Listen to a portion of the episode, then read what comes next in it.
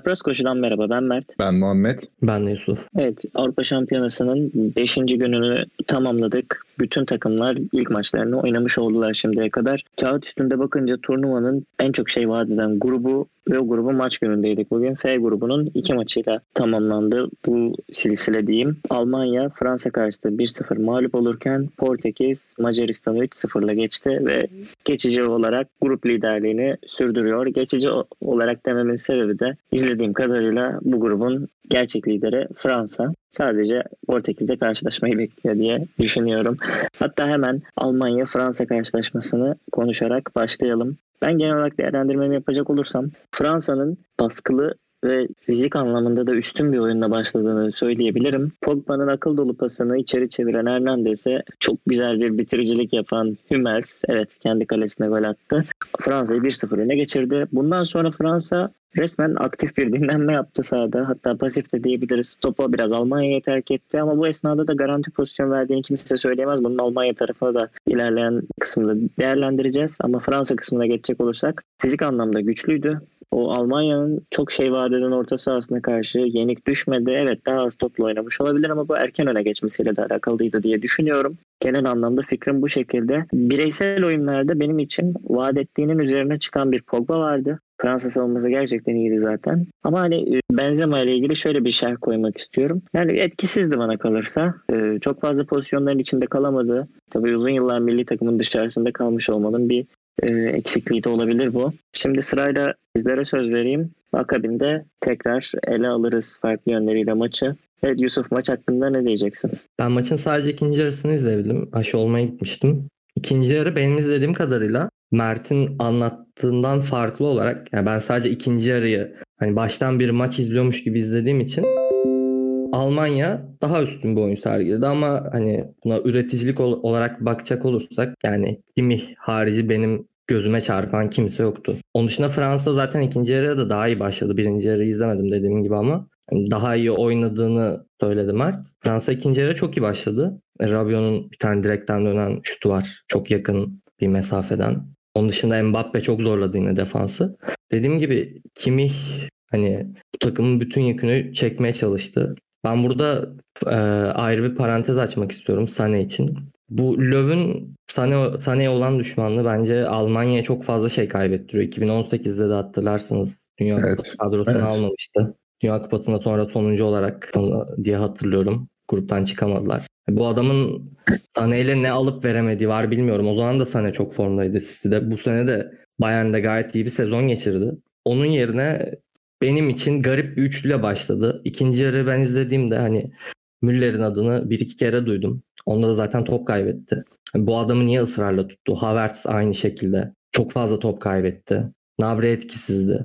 Bu adamı almak için neden 70 dakika bekledi çok merak ediyorum açıkçası. Ya zaten işin Almanya tarafını değerlendirecek olursak ben bunu başka takımlar için de söylemiştim ama Almanya için sanırım baya bir dönemdir 9 numara eksikliği bağırıyor da bağırıyor. Yani gerçekten bir golcü santrafor yetiştirme eksikliği var. Yani bunu Mario Gomez'den beri diyebiliriz. Ha. Hatta espri yapıyoruz arada. Keşke, Levan, keşke Lewandowski Alman olsaymış. Çok ikisi için de çok da güzel olurmuş. Ama bu sorunu Gnabry ile çözmeye çalışmak bence yapılabilecek en kötü hamleydi. Gnabry ileride tek başına başladı ilk yarıya ve Almanya ara, ya aralara girecek hiçbir oyuncuyu bulamıyordu maç içerisinde. Gnabry'i de oraya hapsetmiş oldu. Aynı zamanda o üçlü dizilişinde Kai Havertz'in sağ önünde çok hapis şeklinde e, bulunduğunu söyleyebiliriz. Oyunun içine hiç entegre olamadı ki hiç kanat oyuncusu yani püri kanat oyuncusu olmaya yatkın özellikleri olduğunu düşünmüyorum.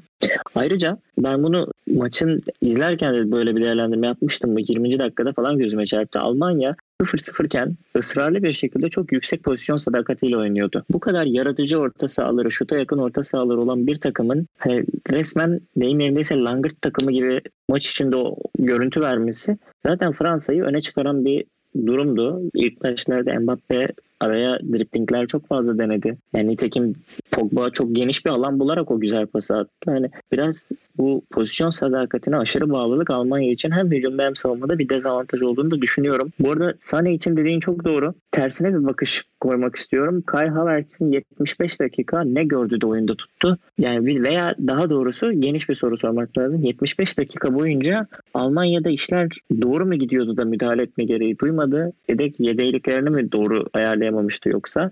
Ki 4 değişiklik yaptı. iki tanesi 80. dakikada artık hani iş işten geçti dakikalarında. Bu bu açıdan da bakmak lazım. Muhammed sen neler diyorsun? Tam değişiklik yaptı dediğin şeyden gireceğim mesela. Şimdi e, dakika 87'de Gosens çıktı. Volant girdi. Volant hani forvet oyuncusu benim bildiğim kadarıyla. Ama bu adam sanki bir sol kanat gibi topla buluştu her seferinde ve her seferinde o topu harcadı. Zaten iki kere falan top ayağına geldi. Onları da çok güzel bir şekilde harcadı. Yani takıma hiçbir faydası olmadı. Öte yandan e, Ginter'i ben maç, maç içerisinde çok izleyemedim. Fakat Emrecan girer girmez çok etkiliydi bence. Dikine pasları çok etkin kullanabildi. Yani Emrecan ilk 11'i hak eder mi hak etmez mi bence bu da tartışılmalı. Öte yandan Sané'ye yapılan şey bence de çok saçma. Belki oyun stili değiştirilebilip işte Havertz'in ilk 11'de olması bana yine makul geliyor. Fakat gerçi Timo Werner de yedeklerden gelmişti de hani Werner'e bu kadar çok şans verilmesi benim ilgincime geliyor. Bilmiyorum sanki birazcık overrated bir karakter gibi geliyor. Hani Almanya zaten oyunu kuramadı. Benim izlediğim dakikalar içerisinde de Almanya bir oyun kurmaktan, bir oyun stilini ortaya koymaktan ziyade tamamen işte Fransa'nın defansında nerede boşluk var, nereye değerlendirebiliriz simle bir oyun oynamaya çalışıyordu. Hani ama diğer yandan baktığın zaman işte Mbappe uzun koşular yapıyordu. Ne bileyim Pogba uzun paslar atabiliyordu. E, Griezmann ortalıkta dolanıp pas alıp pas verip oyunu açmaya çalışıyordu. E, Fransa çok daha oturaklı bir oyun oynadı bu akşam. Almanya ise başına bir şeyler gelmiş olan bir takım gibiydi. Bunu diyebilirim sadece. Yani bir de Almanya'nın savrukluğunu ben şöyle söylemek istiyorum. 10 şutu var. Bir tane isabetli bulabilmişler. Hani deniyorlardı rutin olarak. Gerçi Ama frikikler falan da çok denk geldi. Ama yani bloklanıyor. Birçoğu bloklandı mesela. O kalabalık savunmayı aşamadılar. Mesela İspanya berabere kalmasına rağmen e, savunmayı aşıyordu da yani buna yaklaşıyordu. Bitiricilik problemleri yaşadı İspanya'da. Hani bir Morata, Moreno bunları yapamayan içeri götüremediler ama hani arkaya sarkabiliyordu. Almanya o sarkmaları da yapamadı. Tabii ki rakibi Fransa asla hafif olmaması gereken. Bence an itibariyle bilmiyorum ben Almanya'yı bir adım önde görüyordum. Yanlış yapıyormuşum. Fransa bir adım öndeymiş. Turnuvanın benim için favorisi olmuş durumda. Genel olarak değerlendirmelerim böyle. Ee, eklemek istediğiniz bir şey var mı işin Fransa penceresinden? Ben Almanya penceresinden şunu eklemek istiyorum tekrardan. Yani elinde Kroos ve Kimmich gibi iki tane bence Evet. ortalama bir futbol ortalama olarak futbola baktığımızda ortalamanın çok üstünde bir oyun görüşüne ve zekaya ve tekniğe sahip iki tane adamla bu kadar başarısız bir pas oyunu oynamak bence çok büyük bir başarı. Ben Löw'ün 2018 ve 2021 dediğimizde artık son kariyerinin Almanya kariyerinin en azından sonuna geldiğini düşünüyorum. Çoktan geldi. Bun- Bunda şu, şu da etkili galiba. Mert'in dediği gibi Almanya'nın işte santrafor çıkartamaması da çok etkili. Mesela atıyorum kimin yapabildiği çok iyi paslar var. Yani bir anda inanılmaz bir pas atıp e, forveti golle buluşturabilecek bir, bir oyuncu. Ama Almanya'da o oyuncu da yok. Hani bunu yapabilecek bir oyuncu da yok. Bu büyük sıkıntı. Ama böyle baktığın zaman hani sonuçta Chelsea'de oynayan Werner takım Şampiyonlar Ligi şampiyonu Werner'le oldu. Hani Bu her şey grupta bunu- değil. Sevgili yorumcu arkadaşımız Cenk Tarı'yla çok tartıştık. Ben kesinlikle Werner'in bir 9 numara olduğunu düşünmüyorum. Werner'in yanında bir golcü oyuncuyla beraber Werner'in de çok da iyi bir- daha iyi oynayacağına inanıyorum ama sırtı dönük ileride tek oyuncu olamayacağına eminim. Yani o Evet. Sadece bir koşu yapıyor. Koşu yapmakla devam ediyor. Havadan seken bir top varsa topu izliyor. Ezayen savunma ondan daha uzun oluyor. Kafayı koyuyorlar, geçiyorlar. Hani çok bir etkisi olamıyor. Werner Mert'in dediği gibi 9 numara oyuncusu değil. Yani bir supporter rolünde, bir ikinci forvet rolünde çok daha etkili olabileceğine inanıyorum. de. Özelliklerinin de ona yönelik olduğunu düşünüyorum. Hani oyunu okuyuşu, koşuşları, kaçışları daha teknik becerilerde zayıf çünkü. Bu oyunun e, analiz kısmında daha etkili olduğunu düşünüyorum. Son olarak Fransa ilgili değinmek istediğim bir nokta var. E, Almanya'ya göre topla daha az oynayan, daha az pas yapan bir takımdı. Benim dikkatimi bir nokta çekti. E, Durmadan içeri devriliyorlardı hücumlarında. Çok az orta açtılar. Driplingle tabii Mbappe gibi bir oyuncuya sahip olmanın verdiği, ortaya çıkarttığı sonuç diyeyim. Durmadan driplinglerle ceza sahasına kat etmeye çalışan, ceza sahasına orta açarak veya arkaya sarkıtan paslar yerine ki golde öyleydi gerçi ama driplingle devrilmeye çalışan bir takım gördük. Ee, bu da dikkatimi çekti. Şimdi biraz Portekiz Macaristan maçına geçelim. Aslında oyunun büyük bölümü 0-0 beraberlikle geçti. Özellikle sonlara doğru Portekiz'in artık o galibiyet arayışını iyice seziyorduk ama bir yandan da Portekiz'in akınlara başladığı son bölümün e, içerisinde Macaristan'ın da bir kafasını çıkarma denemeleri vardı. Nitekim offside'a takıldıkları Şön'ün bir golü var. Çok da çaprazdan dar açıdan bir vuruşla gol yaptı. Portekiz kalecisinde biraz başarısızlığı vardı. Offside'a takıldı orada. Hemen o pozisyonun akabinde de Portekiz hücumunda Orban'ın ayağına top, çarpan top kaleci Gulaçi'yi yanılttı. 1-0 geriye düştüler. Aslında Macaristan 0-0 iken çok kompakt, yani deyim yerindeyse haddini bilen oyunu kilitlemiş bir takım görüntüsündeydi. Evet pozisyon veriyordu. Yani Jota'nın kaçırdığı pozisyonlar zaten. Ki Jota da Liverpool'u ne kadar hak etmediğini Liverpool'da da ispatlıyordu. Burada da ispatlayacak. İstikrarlı yani bu konuda. Macaristan 1-0'dan sonra biraz dağıldı deyim yerindeyse. Ertesi pozisyonda e, Orban'ın yine Orban'ın içinde olduğu pozisyonda olan penaltı. Ronaldo penaltıdan gol attı. Sonunda da şık bir şekilde kaleciyi çalım atarak uzatma dakikalarında 92. dakikada golünü buldu ve bir anda 3-0 öne geçti. Aslında zorlandığı bir maçtı kağıt üzerinde. 84. dakikada ilk defa öne geçen bir takımdan bahsediyoruz. Favori oldu ve bundan asla bu maçtan taviz vermemiş. 3 puan alması gereken bir maçtı. Ama bu 3-0'lık galibiyet bütün bu maç içinde yaşanan sorunları unutturdu ve moral motivasyon olarak geldi. Önündeki Almanya ve Fransa'ya e, karşı vereceği sınavda da kendini güçlendiren durum oldu diye düşünüyorum. Ee, Yusuf sen ne diyeceksin maçla ilgili? Ben maçla ilgili öncelikle şunu söyleyeyim. Türkiye-İtalya maçının çok benzerini izledik. Ee, Macaristan takımı tabii bizim için yine önemli bir takım. içinde Atilla olduğu için kendisini özellikle izledim maç boyu. Ve, ve bence Macaristan'ın açık ara en iyi oyuncusu Salah'ydı. Özellikle zaten dikkat etmiştir Atilla'yı izleyenler. Evet. İkinci yarıda artık kendisi dayanamayıp 2-3 kere gol bulmaya gitti. Ve orada ceza sahası çevresinde 3-5 dakika kaldı. Bir kafa vuruşu denedi. Aynı zamanda hemen ardından tekrar yapılan bir ortaya vurmayı falan denedi. Onun dışında uzun pasları vesaire Hani Macaristan'ın zaten çok fazla hücum aksiyonu olmadı. Hani hücum aksiyonu olanların da ya ilerideki Salah'ın uzaktan şut denemeleri ya da Atilla'nın uzun pas denemeleriyle ulaşabilecek 2-3 ender ataktı. Macaristan çok bir varlık gösteremedi. Aslında beklediğimiz gibi bir maç oldu. Portekiz tamamıyla hakimdi maça. Jota olmasa maç çok daha erken kopardı. 45. dakikada Jota'nın neden çıkmadığını ben yine anlamadım. Bu hocalar bu değişiklikleri neden yapmıyor? Hani elinde Rafa var, elinde Felix var, elinde daha birçok oyuncu var. Hani o Jota'ya neden katlandı çok merak ediyorum. Aynı şekilde Bernardo Silva çok etkisizdi. Fernandes yani duran toplarda falan bir şeyler yapmaya çalıştı ama yine çok etkili değildi. Onun dışında biz Mert'le turnuvadan önce genel bir değerlendirme yaparken Portekiz'in defans hattının ne kadar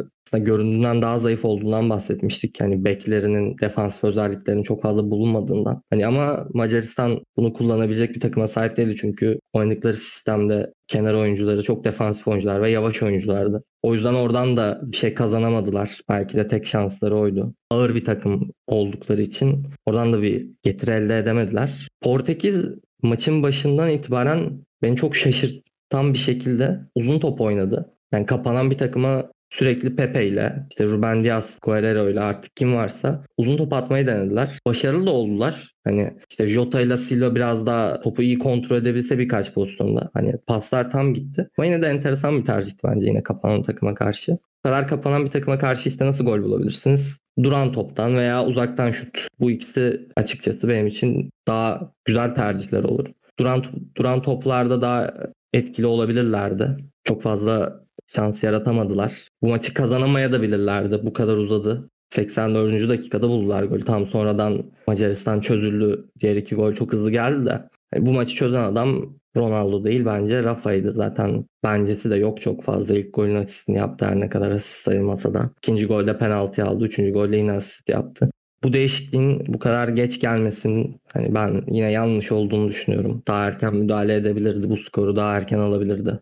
Onun dışında dediğim gibi beklediğimiz maçtı. Portekiz bence ümit verdi her şeye rağmen ama beklerinden sıkıntı yaşayacağını düşünüyorum özellikle Fransa'ya karşı. Benim yorumlarım bu şekilde. Macaristan içinde gruptaki geleceği olarak hani çok bir ümit yok gibi şu an oynadıkları oyunda. Onlarda da çok önemli bir eksik var. Dominik Soboslai. Aralıktan beri yok kendisi.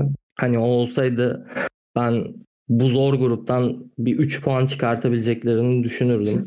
Şu an maksimum alabilecekleri puan bence bir puan onu da Almanya'dan alırlar gibi geliyor bana. Almanya'dan gol yemeyebilirler. bu, bu, bu görüntüde. Doğru, doğru, doğru. Bu arada Jota ile ilgili şöyle bir istatistik vermek istiyorum. Ee, 32 pas girişimi var. %68.8 başarı oranı. Diğer Portekizli arkadaşlar hep 80'in üzerinde. Hani tehlikeli pozisyon yaratmaya çalıştı mı? Yok. Arkaya sarkıtmaya çalıştı mı? Yok. Yani düz düz oyunda bile isabeti bu kadar düşük olmuş kapanan takıma karşı. bu çok garip. Gerçekten yani. de etkisizdi. Neyse çok üstüne Aa. gitmeyelim.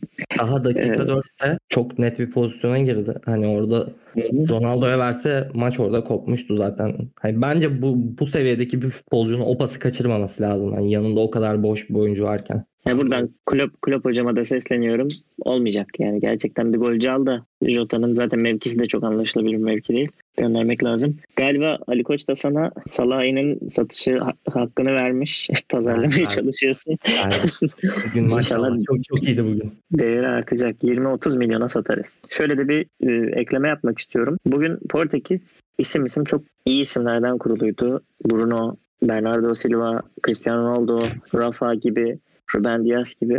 Ama bir takım görüntüsünden de yoksun olduğunu özellikle ikinci yarıda onu gol ararken deyim yerindeyse gol ararken şuursuzlaştığı dakikalarda organizasyon tamamen kaybolmuştu. Sadece deniyorlardı. Bir şey deniyorlardı ama soğukkanlılıktan yoksunlardı. Burada tabii sen uzun top oynamaya değindin ilk yarıda. Bunun sebebini de şöyle söylemek istiyorum. Portekiz iki tane ön libero yani gerçekten hücum aksiyonlarına hiç katılamayacak ön libero ile başladı maça. Biz kadroyu gördüğümüzde dizemedik bir türlü. Yani iki ön libero oynamayacağına o kadar emindik ki bunun da etkisi büyüktür hücum aksiyonlarında olduğunu düşünüyorum. Bizler için önemli bir karşılaşma var. Türkiye-Galler maçı bununla başlayalım. Genel bir değerlendirmeyle milli takım çok sıkıntılı bir maç yaşadı. 3-0 kaybetti. Ee, biz milli maç özel ilk gün yayını yaparken de turnuva başlamadan önceki gün e, bu maçı kerteriz edilmeme edilmemesi gerektiğinden bahsettik. İtalya'nın çok güçlü olduğu ve zaten yeneceğinden bahsettik ama milli takım maç içerisinde o kadar düşük performans sergiledi ki bu cümleyi kuran ben de milli takımı bununla değerlendirip biraz yerin dibine sokma ihtiyacı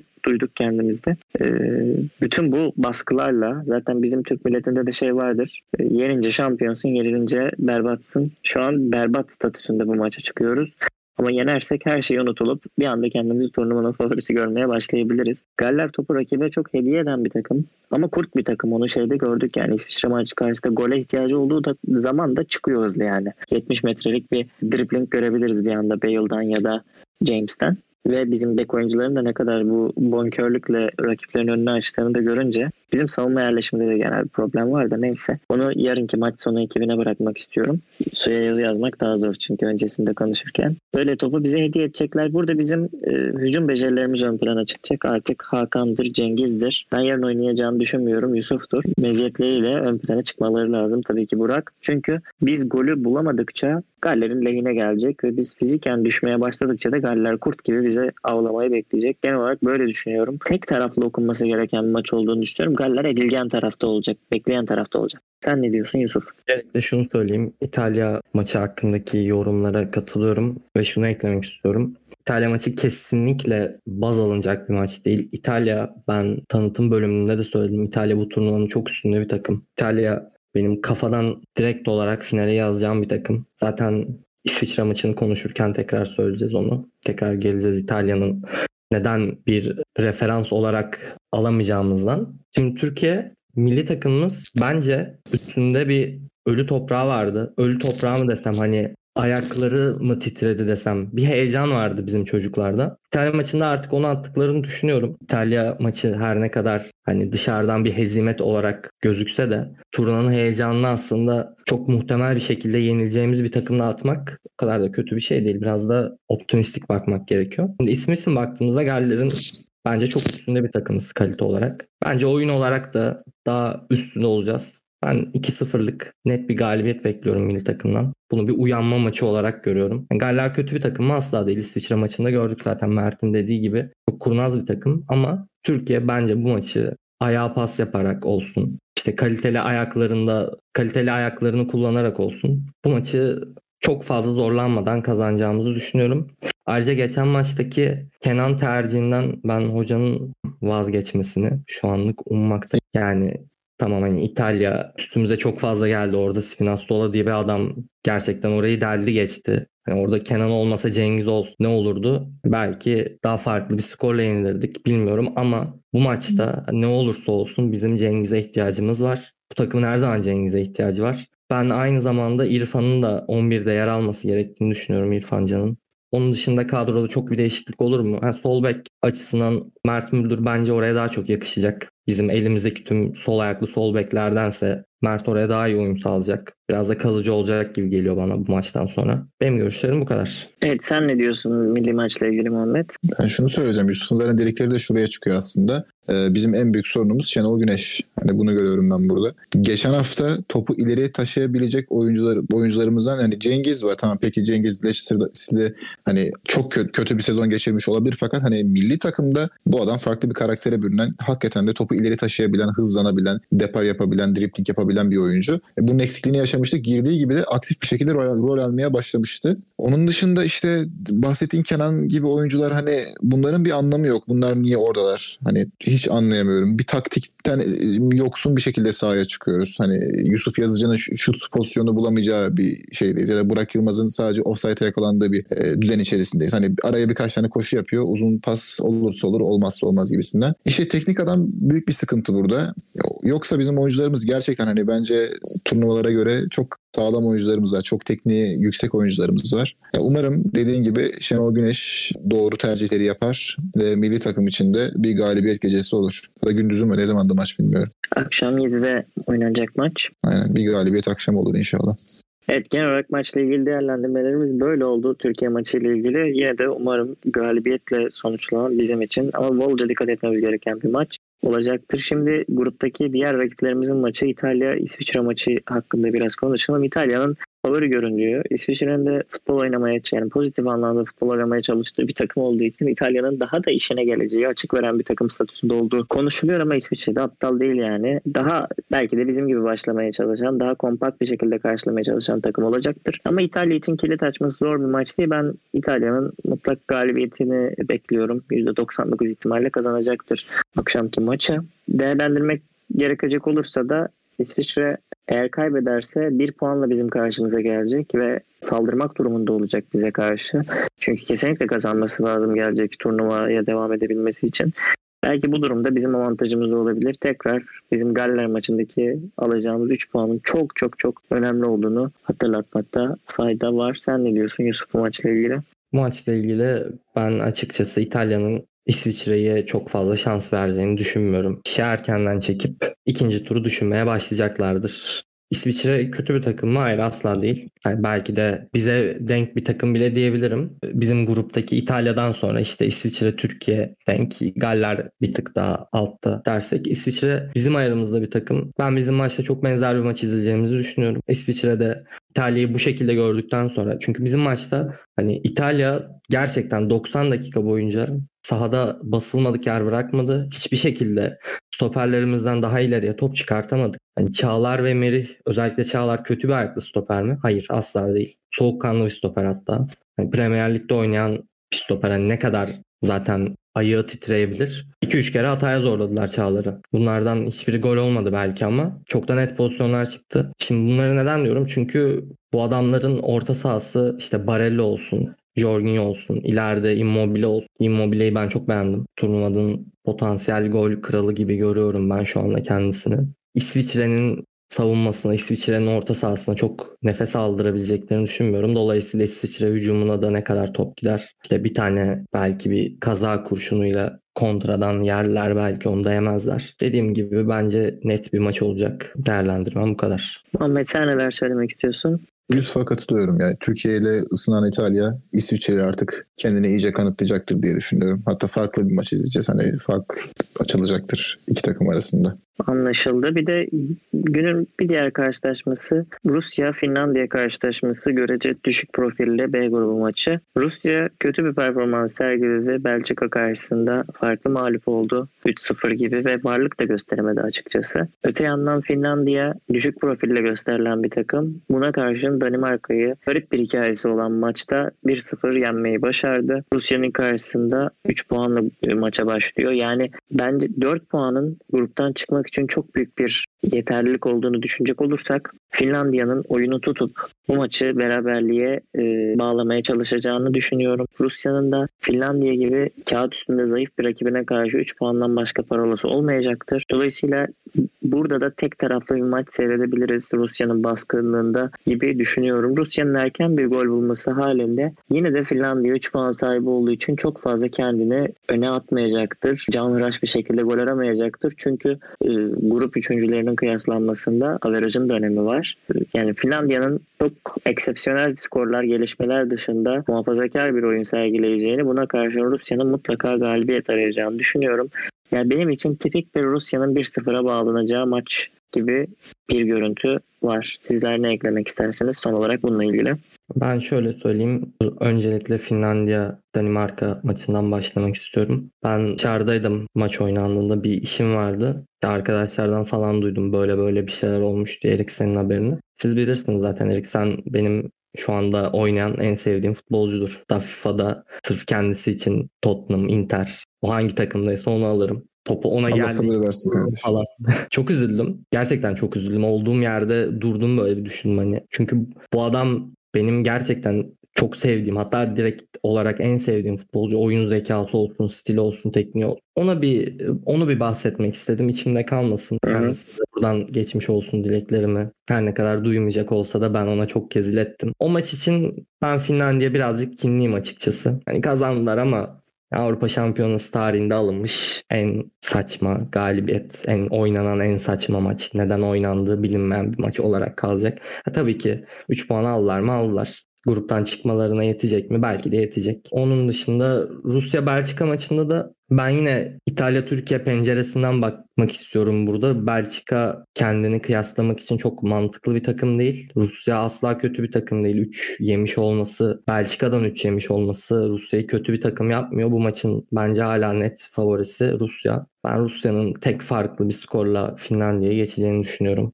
Değerlendirmelerim bu kadar. Turnuvanın 6. gün yayınımızı sonlandırdık. Her takım lig maçlarını tamamlamış oldu. İkinci maçlar başlıyor. Bizim için A grubunun bir temsilcisi olarak Türkiye'nin maçı bizi heyecanlandıracak. Akşam 7'de hepimiz ekran karşısında olacağız. İtalya'nın ve Türkiye'nin galibiyeti durumunda her şey istediğimiz gibi ilerleyecektir. Umarız neticede böyle olur. Grup ikincilik yolunda takımımıza başarılar diliyoruz. Bizi dinlediğiniz için teşekkür ederim.